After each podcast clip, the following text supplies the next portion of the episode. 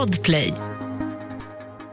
Redan nu kan du lyssna på samtliga avsnitt från den här säsongen helt gratis i appen Podplay eller på podplay.se.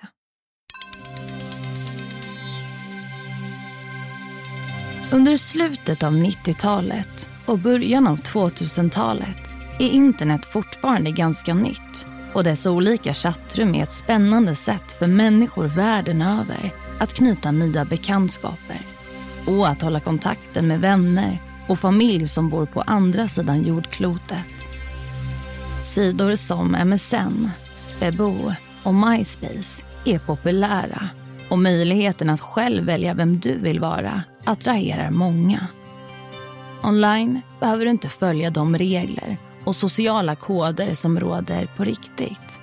Och det finns otaliga historier om livslånga vänskaper och kärlekshistorier som en gång börjat i cyberrymden. Men internet kan också vara en farlig plats och du kan aldrig säkert veta vem det faktiskt är som sitter och skriver på andra sidan skärmen och vad den personen har för intentioner. I dagens avsnitt kommer ni att få höra om en svindlande kärlekshistoria som börjar just online och slutar i ett dödligt triangeldrama som kommer att kosta en oskyldig person livet. Du lyssnar på Jakten på mördaren med mig, Saga Springhorn. Jag vill varna för grovt innehåll i dagens poddavsnitt.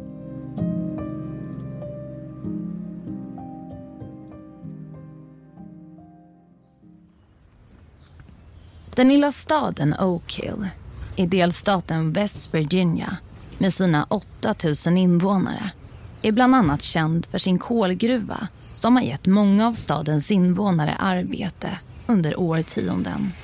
Det är en lugn liten stad med låg kriminalitet och nära till en vacker natur som erbjuder en mängd olika utomhusaktiviteter. I en liten stad med få invånare kan dock längtan efter nya vänskaper och kontakter vara extra stark. Och internet och de chattrum som är populära i början av 2000-talet attraherar.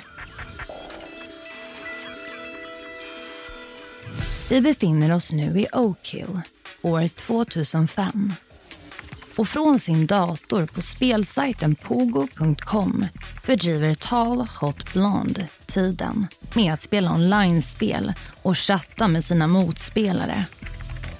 Plötsligt dyker en förfrågan upp från en person med smeknamnet Marine Sniper. Och de två börjar spela och snart även chatta med varandra. Tall Hot Blonde presenterar sig som Jessie Sheeler. Hon är 17 år gammal, går i high school i Oak Hill, West Virginia och på fritiden umgås hon med vänner och är aktiv i sitt softballlag. Marine Sniper, som heter Tommy, är 18 år och berättar att han just nu ligger i träning som militär för att snart bege sig till kriget i Irak där han som marinsoldat ska skydda sitt land i strid.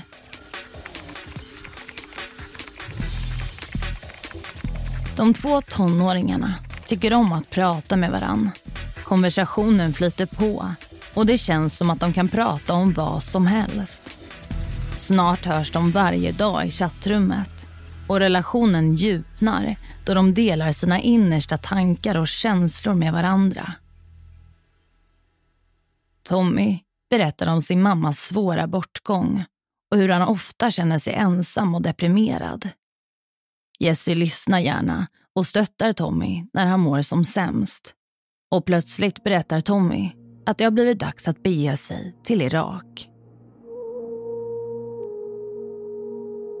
Trots att Tommy nu befinner sig mer än tusen mil från Oak Hill fortsätter han att skriva till Jesse. Jesse och Tommy börjar skicka bilder på sig själva till varann. Och snart börjar de även höras på telefon. Det är långa samtal in på nätterna och de hörs minst två gånger om dagen.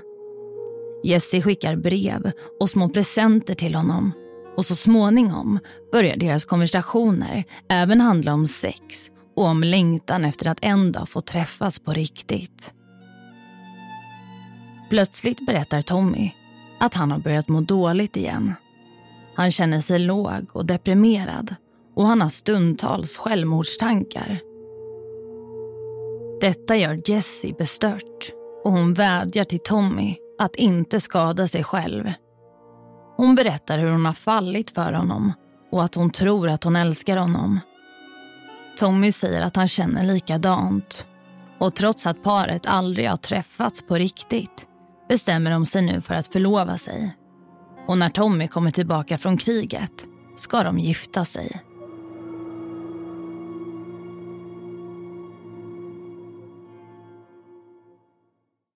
En dag kommer det ett brev till familjen Sheeler i Oak Hill adresserat till Jessie. Hon öppnar kuvertet och får syn på en bild på en familj med en pappa, mamma och två döttrar. Tillsammans med bilden ligger ett brev som lyder Jessie. Bifogat finns ett foto av min familj. Låt mig presentera dig för dessa människor. Mannen i mitten är Tom. Min man sedan 1989. Han är 46 år gammal. Det finns ingen Tommy. Han utnyttjar dig. Du behöver vara mer försiktig när det kommer till din säkerhet. Du kommer bara att bli sårad av en man som har bemästrat konsten att ljuga och manipulera.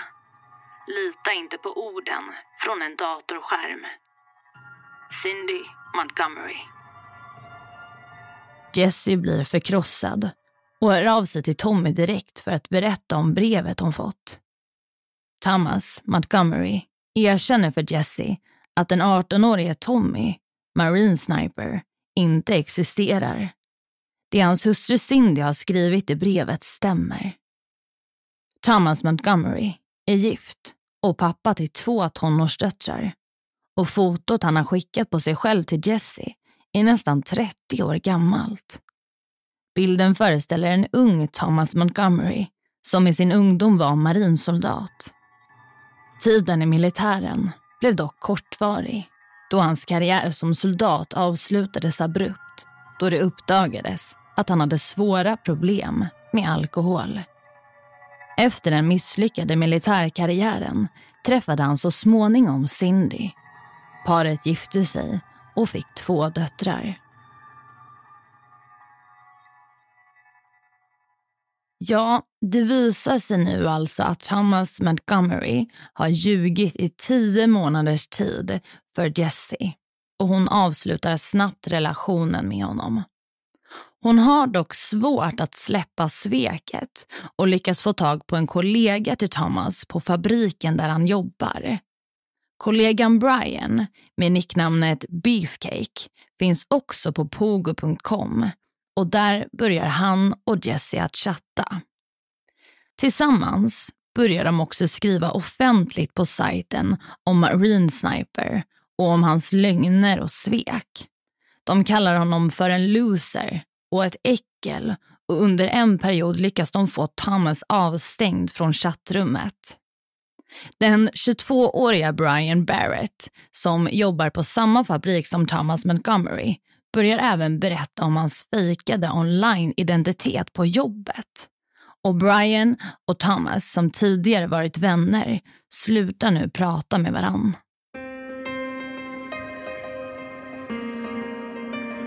Brian kommer från början från Lockport, en del av delstaten New York. Jobbar deltid på fabriken för att tjäna extra pengar samtidigt som han studerar och drömmer om att bli lärare i framtiden. Han och Tall Hot Blonde börjar chatta mer och mer. Och nu börjar även han få bilder skickade till sig på henne. Samma bilder som hon en gång skickat till Marine Sniper. Brian och Jesse inleder även de någon form av online-relation och börjar prata om att Brian ska komma till Oak Hill så att de kan träffas på riktigt. Samtidigt har Marine Sniper tagit sig tillbaka in i chattrummet och börjat skriva till Tall Hot Blonde igen. Han är uppretad för att Jesse och Brian har offentliggjort hans lögn och han misstänker att Jesse har chattat med flera andra män samtidigt som hon pratat med honom. Han pendlar mellan att vara hotfull och anklagar Jesse för att utnyttja män och leka med deras känslor genom att skicka avklädda bilder på sig själv och att lura in dem i relationer. För att sedan ändra tonen och förklara att han inte kan leva utan Jessie. Hon är hans livs kärlek. Han ringer, smsar och skriver till henne dagligen. Han börjar säga att han ska söka upp henne och skada henne fysiskt. Eller kanske ge sig på hennes mamma för att sedan ändra sig igen och förklara hur mycket hon betyder för honom. Tall Hot Blonde ber Marine Sniper att lämna henne i fred och till slut svarar hon inte alls på hans meddelanden. Men efter ett tag börjar hon ta kontakt igen och så småningom ändrar hon tonen i sina meddelanden till honom. Hon förklarar nu att hon saknar tiden med Tommy och att hon önskar att allt hade slutat annorlunda. Hon föreslår att hon och Thomas kanske kan fortsätta hålla kontakten ändå, men att de bara ska vara vänner.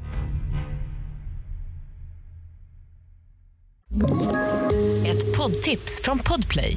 I fallen jag aldrig glömmer djupdyker Hasse Aro i arbetet bakom några av Sveriges mest uppseendeväckande brottsutredningar går vi in med hemlig telefonavlyssning och, och då upplever vi att vi får en total förändring av hans beteende. Vad är det som händer nu? Vem är det som läcker?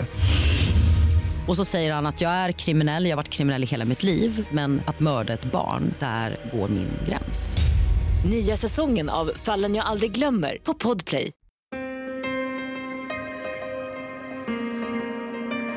Det kommer dock inte dröja länge förrän Jesse och Thomas återigen börjar skriva meddelanden till varandra av sexuell karaktär. Trots att det nu står klart att det skiljer nästan 30 år mellan Tall Hot Blonde och Marine Sniper.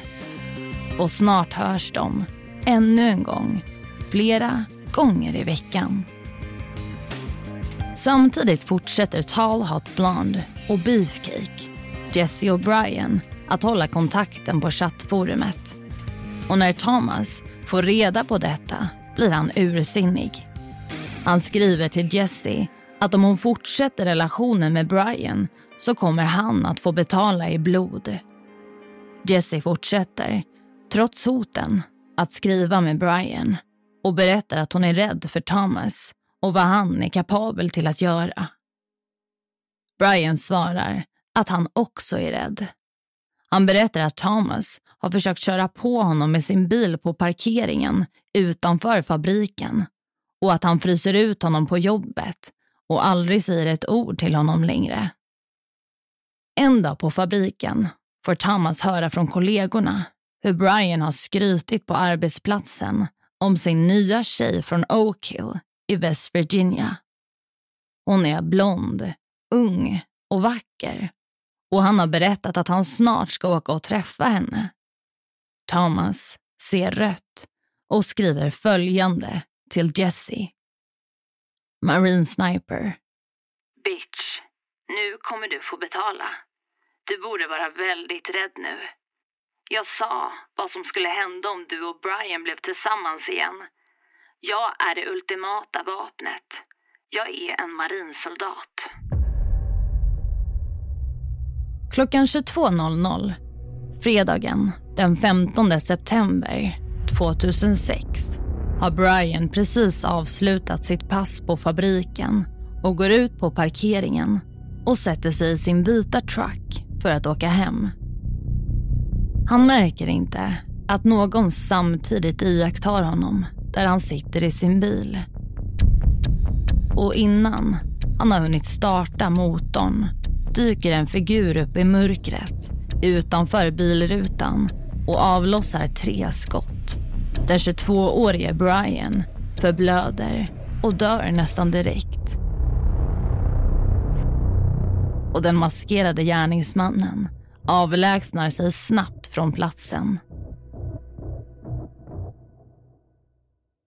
Då fabriken håller stängt på helger och Brian, som bodde ensam, inte hade några planer för sin ledighet skulle det dröja två dagar innan en fabriksarbetare upptäckte sin avlidne kollega. Polisen inleder direkt en utredning om mord och beskriver brottet som en ren avrättning. På platsen finner utredarna tomhylsor från det vapen som dödat Brian, en persikokärna samt ett tomt pistolhölster. Tidigt i mordutredningen uppdagas det triangeldrama som ägt rum mellan Brian, Thomas och identiteten Tall Hot Blonde online. Kollegor på fabriken kan vittna om den dåliga stämningen mellan Brian och Thomas och berättar även hur Brian har blivit hotad av Thomas. Ja, polisen vill nu såklart prata med Thomas Montgomery, men de lyckas inte lokalisera honom någonstans. Han efterlyses och polisen utför en husrannsakan i hans hem och på hans arbetsplats. Där finner de bland annat hans dator och de oändliga konversationerna mellan honom och Jesse. En annan intressant upptäckt är en lapp som Thomas verkar ha skrivit under den period då hans lögn fortfarande inte hade avslöjats. På lappen kan man läsa följande. Den 2 januari 2006 kommer Thomas Montgomery, 46 år, att upphöra och bli ersatt av en 18-årig marinsoldat ärrad av kriget. Han är stark, självsäker och har pengar på banken. 2,5 miljoner dollar. Han är snygg, som en rödhårig Harrison Ford. Texten fortsätter att berätta hur livet för en framtida förbättrade Thomas Montgomery kommer att bli och avslutas med hur han flyttar till West Virginia och lever lycklig i alla sina dagar med Jessie hans livskärlek. Polisen hittar även chattkonversationer som Brian och Thomas har haft innan mordkvällen. Marine Sniper. Så kommer du att åka och träffa henne? Jag kan inte fatta att du valde henne över vår vänskap. Beefcake. Varför stör det dig så mycket? Du är mycket äldre än vad hon är. Marine Sniper. Du ville ha henne. Du fick henne. Hälsa henne att hon ska ge fan i att höra av sig till mig igen. Thomas Montgomery är fortfarande spårlöst försvunnen. Men polisens utredning fortsätter. När de pratar med Thomas fru Cindy får de höra om hennes make. En man utan minsta prick i rättssystemet som utöver sitt jobb på fabriken undervisar i kyrkan på söndagar och är en god far till sina tonårsdöttrar. Hon kan dock vittna om att deras äktenskap inte har varit så bra på sistone. Och hon berättar att hon började ana oråd när hon märkte hur hennes make satt med datorn sent in på nätterna men aldrig kunde förklara vad exakt han gjorde eller vem han pratade med. Hon berättar vidare om hur hon sen hittat brev från Jesse med kärleksförklaringar, presenter och underkläder adresserat till den 18-årige marinsoldaten Tommy. När hon förstod att hennes man lurade en 17-årig tjej hade hon bestämt sig för att skriva ett brev till henne där hon berättade sanningen och varnade henne för sin egen make. Samtidigt som New York-polisen försöker hitta den misstänkte Thomas så vill de också varna den unga kvinnan bakom smeknamnet Tall Hot Blonde då de befarar att Thomas kanske är på väg till henne för att fortsätta sin hämndturné.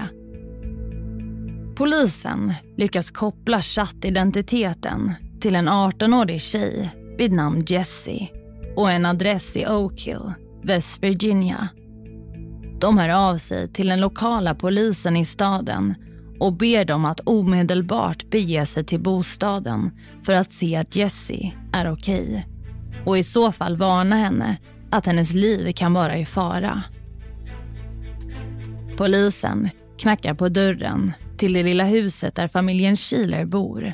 Och Mary Sheeler, Jessies mamma, öppnar dörren. Polisen berättar om allt som har hänt. Triangeldramat online. Om hur någon catfishat hennes dotter och att en ung man nu har blivit mördad. Polisen förklarar att de är oroliga för Jessies säkerhet och de vill försäkra sig om att hon mår bra. Mamman säger att hon inte vet vad Jessie är för tillfället och att hon inte har några kontaktuppgifter till dottern då hon inte längre bor hemma. Konstaplarna pressar Mary på fler svar och till slut brister hon ut i tårar och berättar en historia som får polisen att häpna. Den 45-åriga hemmafrun och tvåbarnsmamman Mary berättar nu att Thomas Montgomery aldrig har pratat med hennes dotter utan att det hela tiden var hon själv.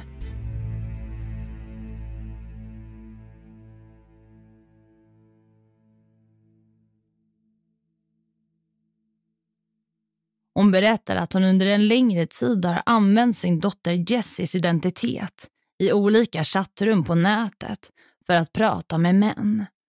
Hon har skickat bilder på dottern till dessa personer och utgett sig för att vara den då 17-åriga dottern, Jessie. Hon har sedan haft långa och många sexuella relationer online under smeknamnet Tall Hot Blonde. Hon berättade även för polisen att Thomas Montgomery ringde henne efter mordet på Brian i tron om att det var Marys tonårsdotter Jessie han pratade med och sa att hennes pojkvän Brian, citat, hade varit en lätt match. Jessie, som inte längre bor hemma, har ingen aning om vad som har pågått.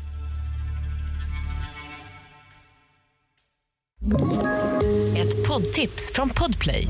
I fallen jag aldrig glömmer djupdyker Hasse Aro i arbetet bakom några av Sveriges mest uppseendeväckande brottsutredningar går vi in med hemlig telefonavlyssning och, och då upplever vi att vi får en total förändring av hans beteende. Vad är det som händer nu? Vem är det som läcker?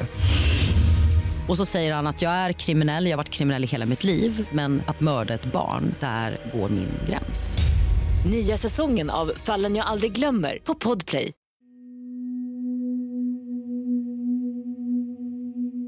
När polisen går igenom Marys dator hittar de hundratals bilder på Jessie iförd bland annat bikini och korta kjolar. Vissa av dessa bilder kommer senare visa sig vara bilder som Mary själv har tagit på den ovetande dottern i olika situationer där hon på olika sätt har varit mer eller mindre lättklädd.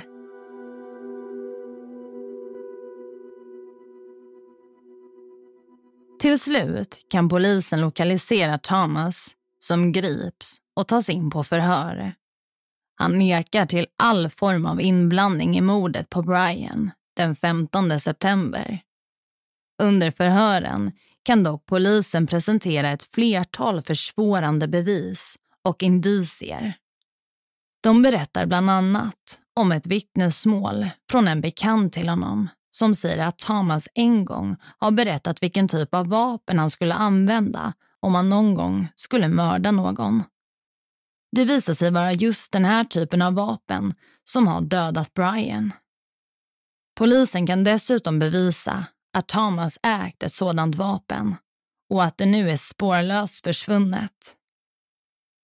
En annan försvårande omständighet för Thomas är den persikokärna som utredarna hittade på mordplatsen. Den har testat positivt för Thomas DNA. Även det pistolhölster som upphittats på parkeringen utanför fabriken kan kopplas till Thomas. Han fortsätter att neka till sin inblandning och säger att han var hemma med sin familj när mordet begicks. Cindy, som nu har fått nog av sin mans lögner, slår direkt hål på denna historia. Hon säger att han inte alls var hemma vid tidpunkten för mordet. Och polisen kan nu även bekräfta att Thomas inte har något alibi. Utöver all denna bevisning finns också otaliga konversationer mellan Marine Sniper och Tall Hot Blonde där Thomas har beskrivit hur Brian ska få betala i blod, hur mycket han hatar honom och dessutom har vittnesmål från kollegor berättat om de hot och trakasserier som Thomas utsatt Brian för tiden innan mordet. När Thomas får höra om den sanna identiteten bakom Tall Hot Blonde och att även han har blivit utsatt för catfishing beskriver utredarna hur hans ansikte bleknar och hur han blir lika vit som väggarna i förhörsrummet. Thomas försöker sedan begå självmord i sin cell i väntan på rättegången men misslyckas och sätts under bevakning. Åklagaren Frank Sedida presenterar sin bevisföring för domstolen och menar att inget annat än maxstraff är rimligt i detta fall. Han beskriver Thomas som ett rovdjur och att de tusentals sidor av meddelanden han har skickat till vad han trott är Jesse visar en nästintill besatt längtan av att få se Brian lida.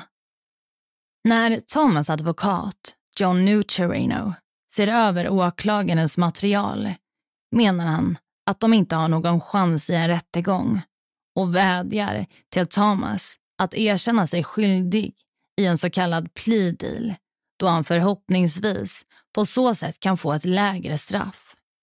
En plea deal innebär helt enkelt att den tilltalade erkänner sig skyldig till brott innan en rättegång äger rum. Den överenskommelse med domstolen kan resultera i att den tilltalade i gengäld får ett lägre straff.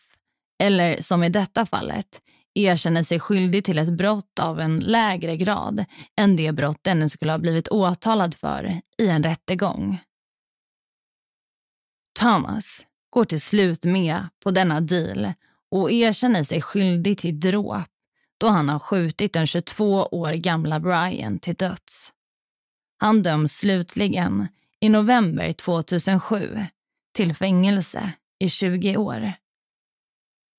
Den 45-åriga hemmafrun Mary anses inte vara skyldig till något brott och ställs därför aldrig inför rätta.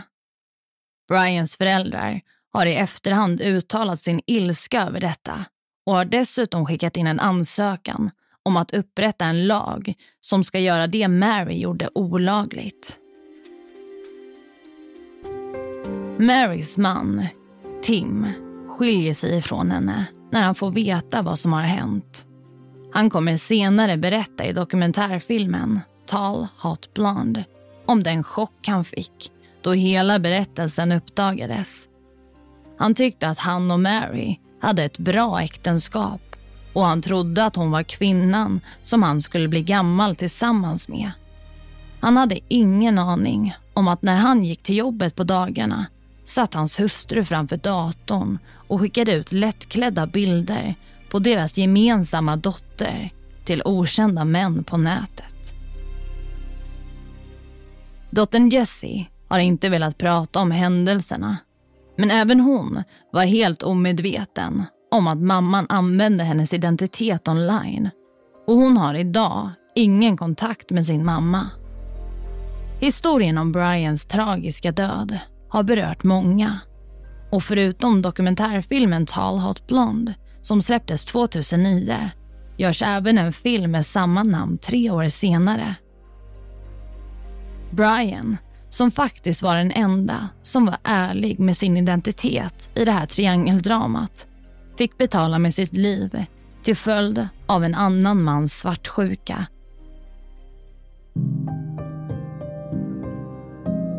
Du har lyssnat på Fallet om Brians tragiska död. En produktion från Podplay. Manusförfattare för dagens avsnitt, Tove Wahlne. Klippare och ljudläggare är Mats Liljenberg. Ansvarig utgivare Henrik Funke. Och mitt namn är Saga Springhorn. Tack för att du har lyssnat på dagens avsnitt.